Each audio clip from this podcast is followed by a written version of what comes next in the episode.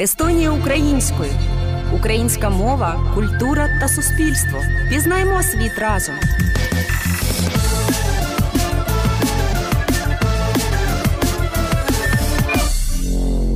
Вітаю!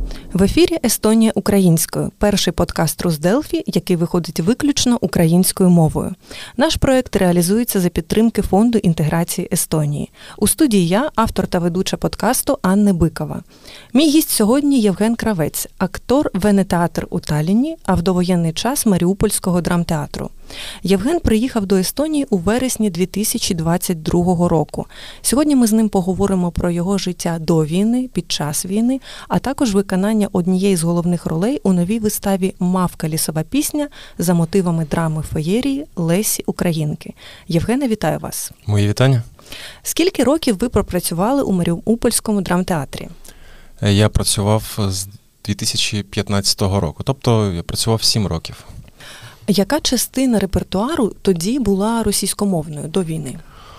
Сказати точно так не можна по процентах, але скажімо так, коли я прийшов в театр, більшість, більша частина репертуару була саме російською мовою. Потім а, ми знаємо, що вийшов закон, і згідно цього закону вже половина репертуару стала українською. Потім а, наприкінці, вже перед цими цими подіями, всім відомими.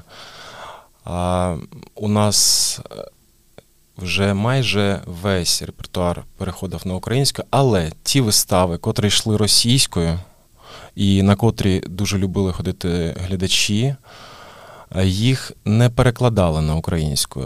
Ми змогли виконати закон таким чином, що, як ви знаєте, якщо відбувається якесь подія, якесь дійство, наприклад, театральна вистава іншою мовою, не державною, тоді можна чи сурдоперевід давати, сурдопереклад, е, тобто, якщо будуть навушники у глядачів. А другий варіант це декілька телевізорів, де буде просто переклад субтитрами. Так. І от у нас безпосередньо за місяць, може, до березня 2022 року у нас з'явилися ці два телевізори, на котрих ми почали транслювати для російськомовних вистав українські субтитри. Тут хочеться задати таке питання е, до вас, як до актора. Чи вважаєте ви, що субтитри це візуально припустимо і що це візуально красиво, або або це все-таки відволікає трошки глядача? Ну, дивіться, у нас е, ці два телевізори вони були там зліва та справа. Вони, знаєте, в, е, ту площину е, дивитися спеціально глядачам не було потрібно. Коротше кажучи, я скажу так, це не шкодить, і таким чином ми працюємо згідно з законом. Тобто, перше, скажу правду, як воно є. Є частина глядачів котрі ходили виключно на російськомовні вистави. Є такі ну, є такі маріупольці, і зараз вони є. І вони ходили на вистави, котрі вони любили вже 15 років. Тобто, і вони продовжили ходити. Ці субтитри їм ніяк не заважали. Чи викликало обурення таке, такий перехід на субтитри, і у кого воно могло е, виникнути? У глядачів, які звикли дивитися вистави російською мовою, або у тих, хто навпаки виступав за введення цього закону? Обурення е, щодо субтитрів ніякого взагалі не було. Скажімо так, це нікому не заважало. Щодо того, що стало більше українськомовних вистав, і дедалі нові вистави, нові постановки були українською, українською мовою. Для когось це було складно, в тому числі для декотрих е, акторів вже похилого віку, можливо, е, тому що вони ну, звикли грати російською мовою, вони звикли говорити в житті, в побуті, тому що це ж Маріуполь, ви знаєте, що там більшість завжди говорила російською мовою. І от для цих акторів, можливо, це якусь складність і надало. Але Ну, я скажу так, проблеми такої загальної не було. Грали спочатку російською, потім стали грати російською, українською. І для мене ну, українська і є також, вона і є рідною мовою. Які ролі грали ви до воєнний час? І якою була ваша улюблена роль на сцені Маріупольського драмтеатру? Ну, це таке дивне питання. Які ролі грали? Уявіть собі, за сім років, за сім років. Ну, ролей там було десь 50. Зараз вам сказати, які. Назвіть на, на... три е, найяскравіші, на вашу думку. А, Наприклад, чарівна лампа це історія про Аладдіна. Ну, Це така цікава роль для мене, е, тому що, знаєте, цей молодик, цей Аладдін, він є дуже експресивною е, такою натурою, він дуже позитивна натура, але е, до того до всього він дуже чуттєвий. І ну, для мене це була цікава роль, але най, найцікавіша, найулюбленіша моя роль це, мабуть, вистава Метро, е, котру поставив Андрій Романій. Він з Києва, він актор театру Франка. І Андрій е, поставив е, виставу метро в Маріупольському театрі, там у мене була головна роль. І саме цікава ця роль для мене не тому, що вона головна, а тому, що це в якомусь мірі це е, роль на, на злам. Тобто мій герой, мій герой в цій виставі він повинен він насправді був не такою доброю людиною. Точніше, він, можливо, був доброю людиною, котрий робив е, злі поступки. Тобто він когось принижував, він зривався на людей саме через ту травму, котру йому нанесло суспільство. Дуже цікаво.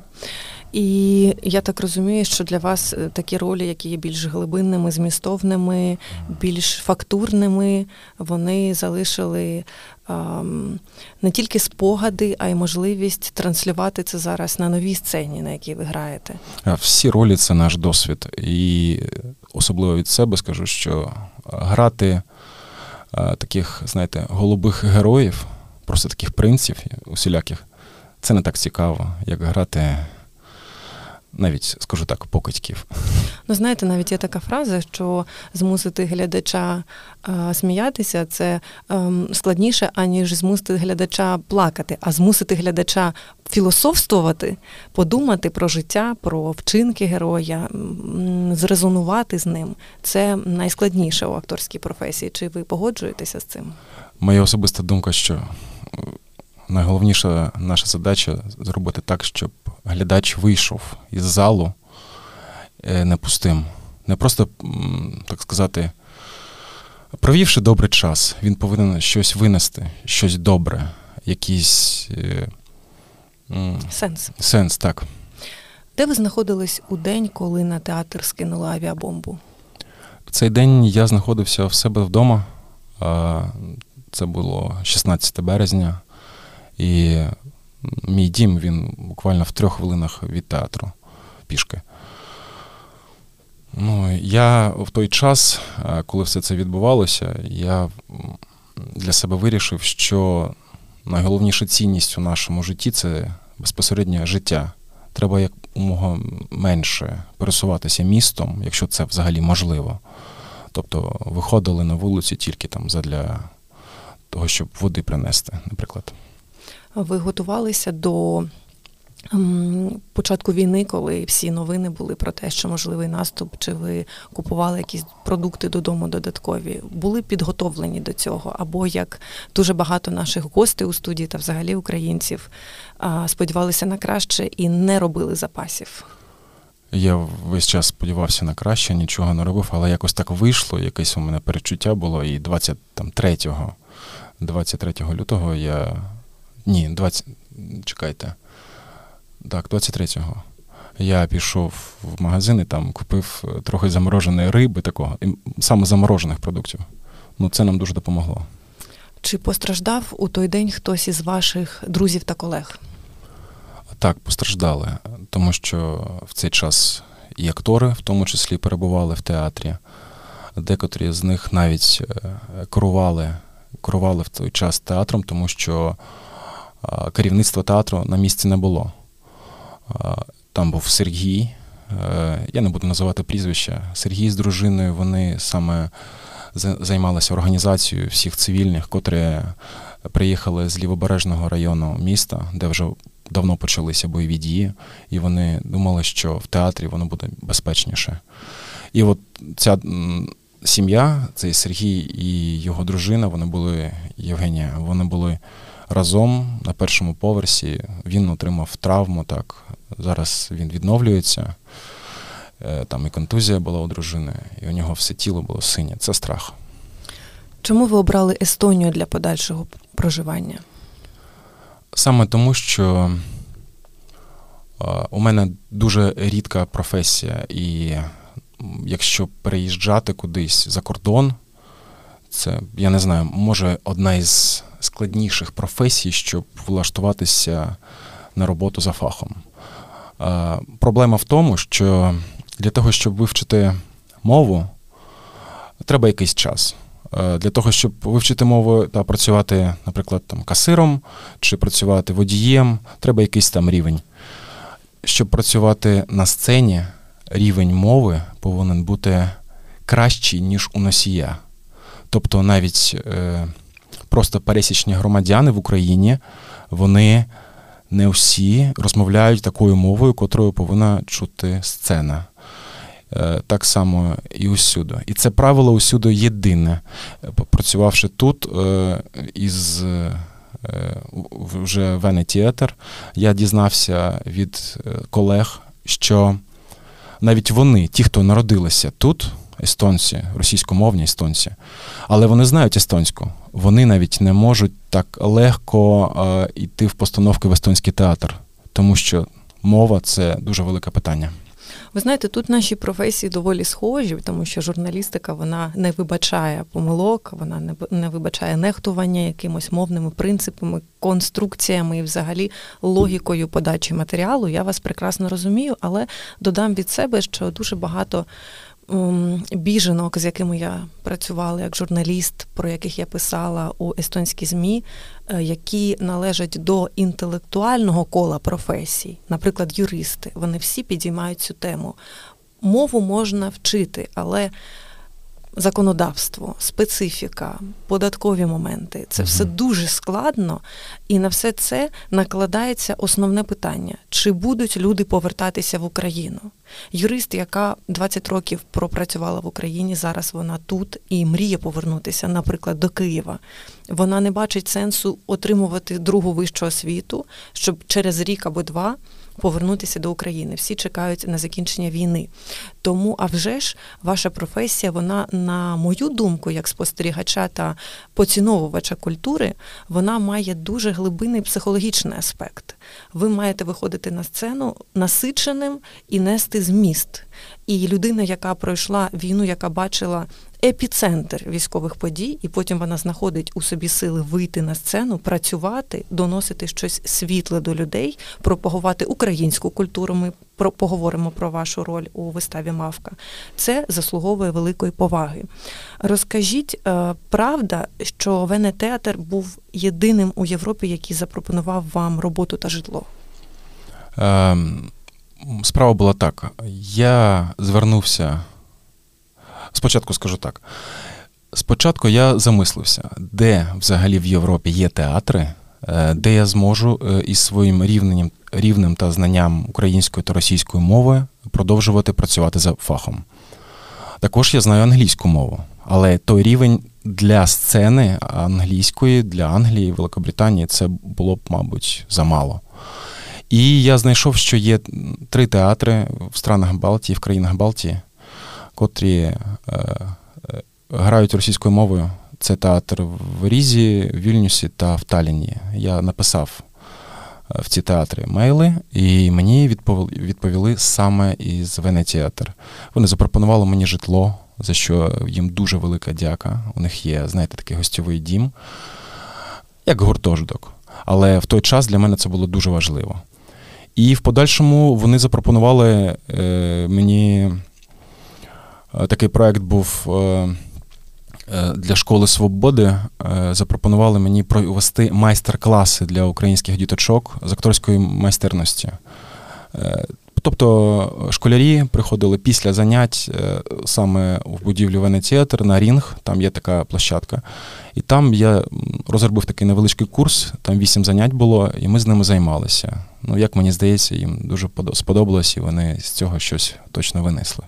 Ви знаєте, я, до речі, теж хотіла записати дитину на цей проект, але оскільки він ще не є школярем і всі місця були зайняті, ми у цьому році не попали. Тому а, бажаю вам продовжувати цю серію майстер-класів. Я знаю, як важливо для українських діток, для діток з, зі змішаних сімей, де один з батьків українець, а інший естонець, як це важливо. Не не втрачати цей культурний зв'язок з Україною у будь-яких проявах, навіть у вигляді приватних бесід з людьми, які жили в Україні, несли культуру і творчі гуртки. Вони, на мою думку, це якраз те, що потрібно нашим дітям у такий складний час. Я навіть доповню головне ще, щоб вони е, до чогось. Тягнулися, щоб у них були якісь задачі, котрі вони вирішують і щоб це було їм цікаво. Це факультатив, це хобі. У багатьох дітей зараз тут проблема є. У них нема хобі просто-напросто. Вони просто ходять в школу, вивчають там мову, вивчають якісь предмети, але якесь заняття, що їм дасть наснаги, це знайти це дуже велика справа. Ну тоді і я додам ще невеличку ремарку. Коли мене запитують, який основний інсайт виношу я під час війни, то я завжди кажу, що я відкрила у собі таке почуття, що я можу, вмію і хочу любити чужих дітей. До війни я знаєте, насправді була сконцентрована лише на своїй дитині.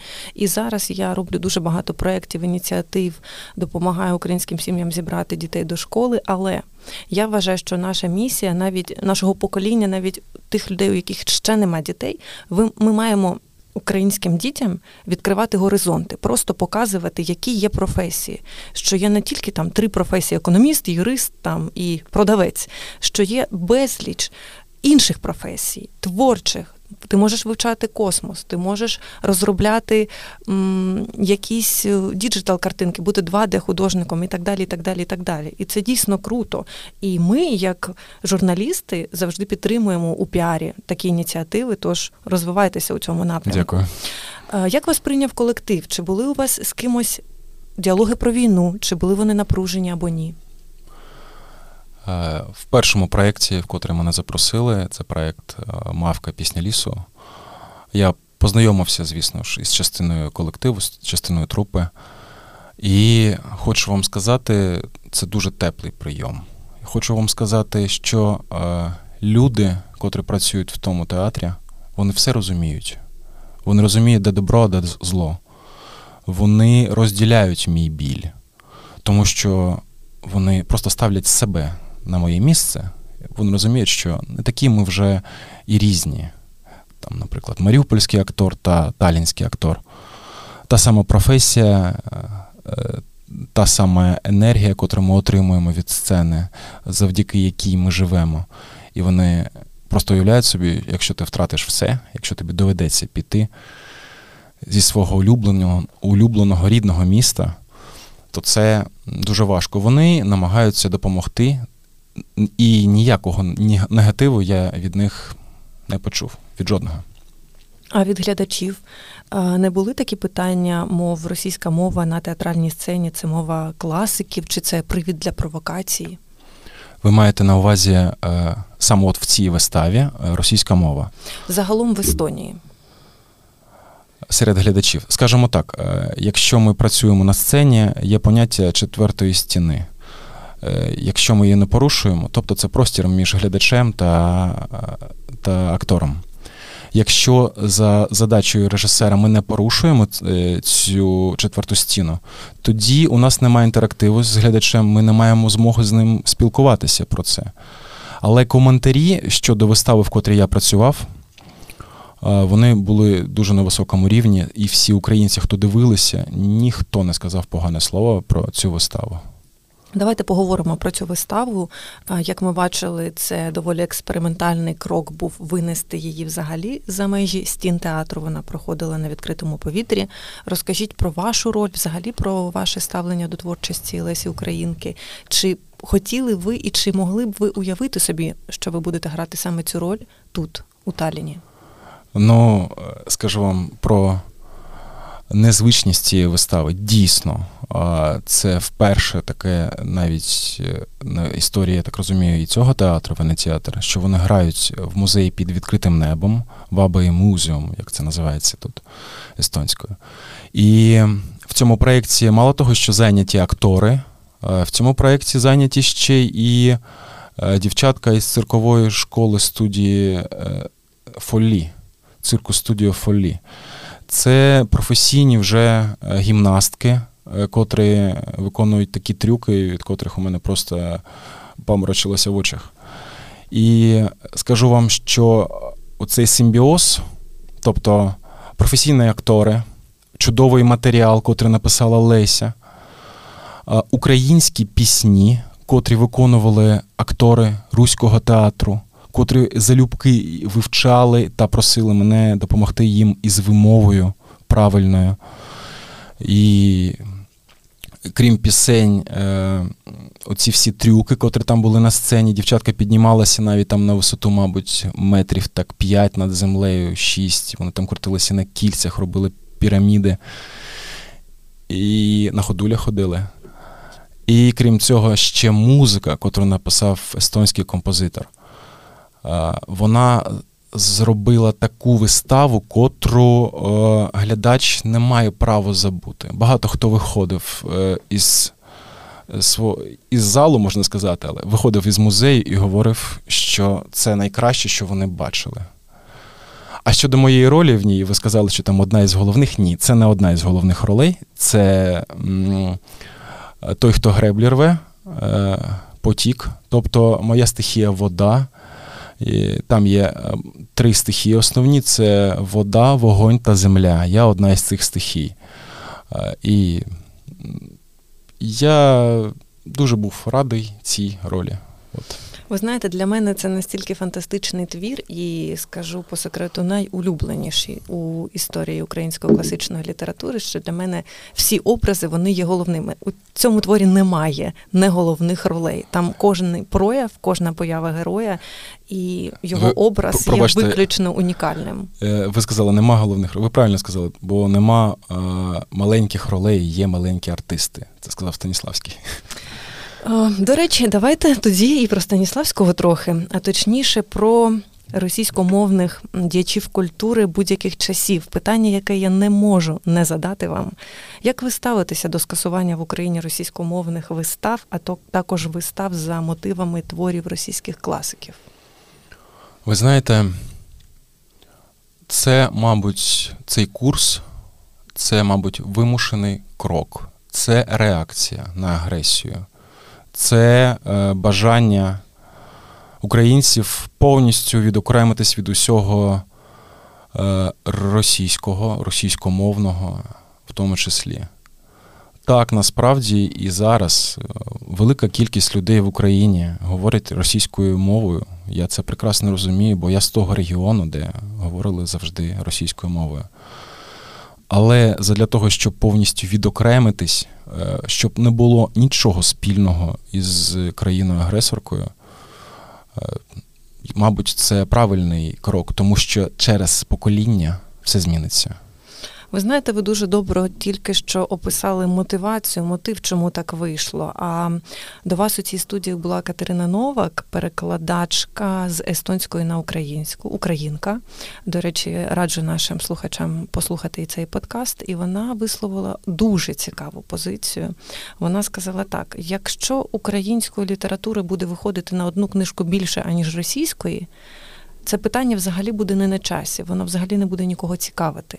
Мабуть, тут е, працює так само такий самий принцип, якщо української культури на сцені буде на одну виставу більше, то не буде нікому діла до того, скільки виходить російськомовного, російськокультурного контенту.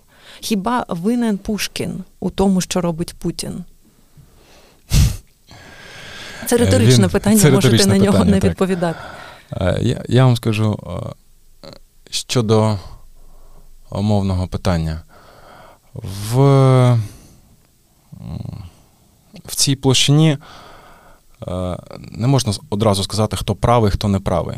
Правий усі. Комусь е, так зручно дивитися російською мовою щось. Але давайте подивимось правді в очі. З 14-го, по-моєму, вже з 14-го року все кіно у нас перейшло на українську мову, так? Люди, що перестали взагалі ходити в кінотеатри? Ні, ходять. Телебачення з українською мовою більшість.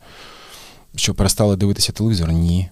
Так само і вистави. Якщо людина любить театр, якщо людина театрал, е, для неї дивитися виставу державною мовою взагалі не буде е, проблемою. Глядачі, е, ті, хто дійсно з театром, вони не покинуть театр через мову. При іншому ході подій ви були готові заробляти на хліб іншим ремеслом, окрім акторством? Е, я задав собі питання: а що в мене залишилося від е, мене?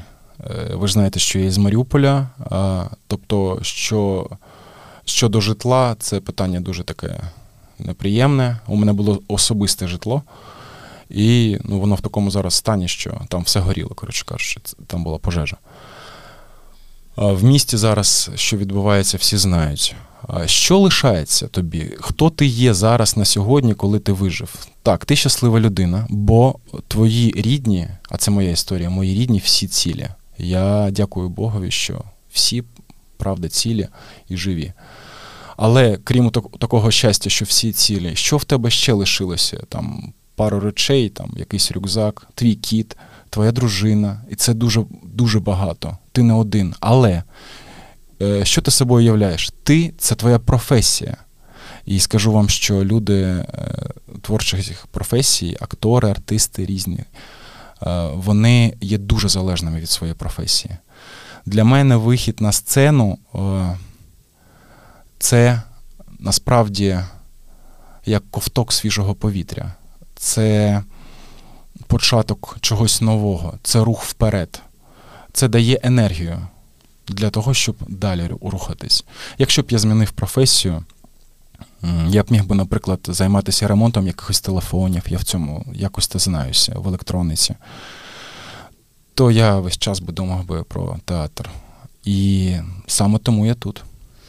Ви знаєте, коли я приїхала до Естонії півтори роки тому і почала шукати роботу журналістом, і принципово не хотіла отримувати компенсації, бо не вважаю себе не, незахищеною, не думаючою, нездатною працювати. Я розуміла, що є якийсь ліміт часу, який я собі залишаю на пошук роботи, на розгляд пропозицій. Але якщо цей час сплине і не буде де працювати, я була готова розглядати і варіанти, які взагалі навіть опосередковано не пов'язані з журналістикою, з медіасправою. Ви розглядали якісь опції, якщо б пройшов час, ем, чи ви б просто сиділи і чекали вдома? Я не вірю в такий. Я не сидів і не чекав вдома. Я шукав е, творчих людей. Ми знаходимося між тим у столиці. І це, мабуть, таке єдине місто, де так можливо українцю влаштуватися за професією творчою, особливо актором. Е, шукав нових знайомств і знаходив дуже цікавих, добрих, відкритих людей. Я думаю, це єдиний вихід. Тобто сидіти вдома та чекати, коли тут окаса тобі знайде роботу, якщо у тебе така спеціальність, як актор, це так не робиться. Ні. Треба кожному весь час рухатися. Треба прокидатися і задавати собі питання, що ти сьогодні зробив для того, щоб покращити своє положення та рухатися в бік е, ну, своєї там мрії. Ну, це прекрасне питання, яке варто задавати самому собі кожного дня. Я погоджуюся. Ви знаєте, одна із новин, які мене сколихнули останнього тижня, це була новина про те, як в Маріуполі російські окупанти будують нові багатоповерхівки. Тобто вугілля, все ем, згоріло, і вони будують житлові комплекси і пишуть про те, що це користується попитом, і люди купують там житло. І цитата за рахунок гарної екології. Кінець цитати, планують ем, їхати жити у Маріуполь після війни. Це ми говоримо зараз про жителів країни-агресора. Як ви, як житель Маріуполя до війни, взагалі бачите у у цьому сенс, е, у цьому безглуздому, у цій безглуздій новині, у цьому пориві повертатися на землю, яка не буде належати країні-агресору. Ми розуміємо, що ми будемо боротися за цю землю. І далі е, питання, яке теж хотілося б поєднати з цим, е, що має бути побудовано на місці Маріупольського драмтеатру? Щодо забудови в Маріуполі, е, мабуть, це має тільки один сенс для керівництва цієї країни. А сенс в тому, щоб показати це все по ТІВІ. Це інструмент пропаганди. Вони показують, от, дивіться, як добре як добре тепер живуть маріупольці. У них там трамвай поїхав перший, у них там мікрорайончик побудували. Дивіться, як класно. А те, що це місто, де проживало 450 тисяч людей, це як Талін. І така ж сама площа 160 квадратних кілометрів. Ну, в тому нема сенсу. Там треба, звісно, відбудовувати. Я вірю в те, що коли е, місто буде звільнене загальними зусиллями разом із європейськими партнерами, та тільки не тільки європейськими, і тими, хто за океан, за океаном, ми зможемо відбудувати це місто. Звісно, це буде вже не той Маріуполь, він буде зовсім інший. Але що через... має бути на місці розбомбленого драмтеатру? А на місці театру повинен бути якийсь якийсь пам'ятник, якийсь, якась пам'ятна споруда, котра буде нагадувати людям, що ворог десь близько, котра не дасть забути ці жертви. І я впевнений, що ну, особливо моя думка особиста, що на тому місці не можна будувати театр і грати там комедії, сміятися, водити туди, туди дітей після школи, коли там на глибині, на глибині загинули діти. Ви особисто змогли б піднятися на сцену нового майбутнього драмтеатру у Маріуполі? Ну, я Маріуполець. Я Маріуполець, і я народився там, як і мої батьки. Це моя професія. Я би зміг піднятися на сцену театру.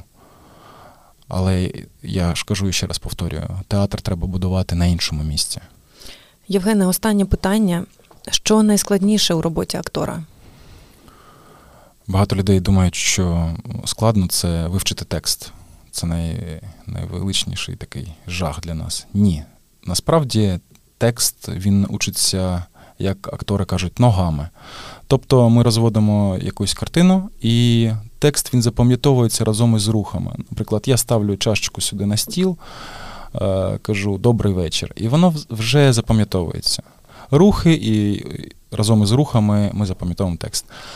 А от що складно, це е, це перевтілення, безпосередньо е, зрозуміти, як перестати бути, бути собою, тобто Євгеном, а стати от тим самим героєм, зрозуміти, які є відрізності у вас. І знайти зерно, як кажуть, зерно ролі. Тобто за щось зачепитися, щоб потім а, твоя робота була справжньою, щоб люди тобі вірили, щоб вони е, бачили в тобі саме того героя, котрого написав драматург, щоб е, цей герой доніс своє слово, слово драматурга. І от цей процес перевтілення це є найскладніше. Раз розкажу вам маленький такий анекдот, коли актор, е, молоденький актор питає вже такого майстра сцени, каже: У мене проблема в першому акті мені треба бути е, повністю п'яним. Знаєте, я там ніби випив горілку, е, цілу пляшку горілки. Він каже: нічого нічого такого складного нема. Ну просто візьми та випий склянку горілки, все нормально, виходь на сцену. Він каже: Так другий акт, в другому акті я тверезий, як скло. Що робити? Він каже: О, брате. А це вже мистецтво. Євгене, я вам бажаю, щоб кожна роль для вас була не тільки мистецтвом. Я переконана, що ви, як митець, з цим впораєтеся, щоб кожна ваша роль допомагала вам відчувати глядача, відчувати країну, де б ви не були, і всі сцени світу, що були для вас відкриті, якщо ви колись вирішите нести українську культуру далі за кордон, щоб кожна сцена світу Була рада вас бачити, і кожен глядач вас розумів і радів вашій появі. У нас у студії був Євген Кравець, актор Вене театру Таліні в довоєнний час, актор Маріупольського драмтеатру. Це був подкаст Естонія українською, перший подкаст Рузделфі, який виходить виключно українською мовою. З вами була я, Анна Бикова. Бажаю вдалого дня і до нових зустрічей. Естонія українською.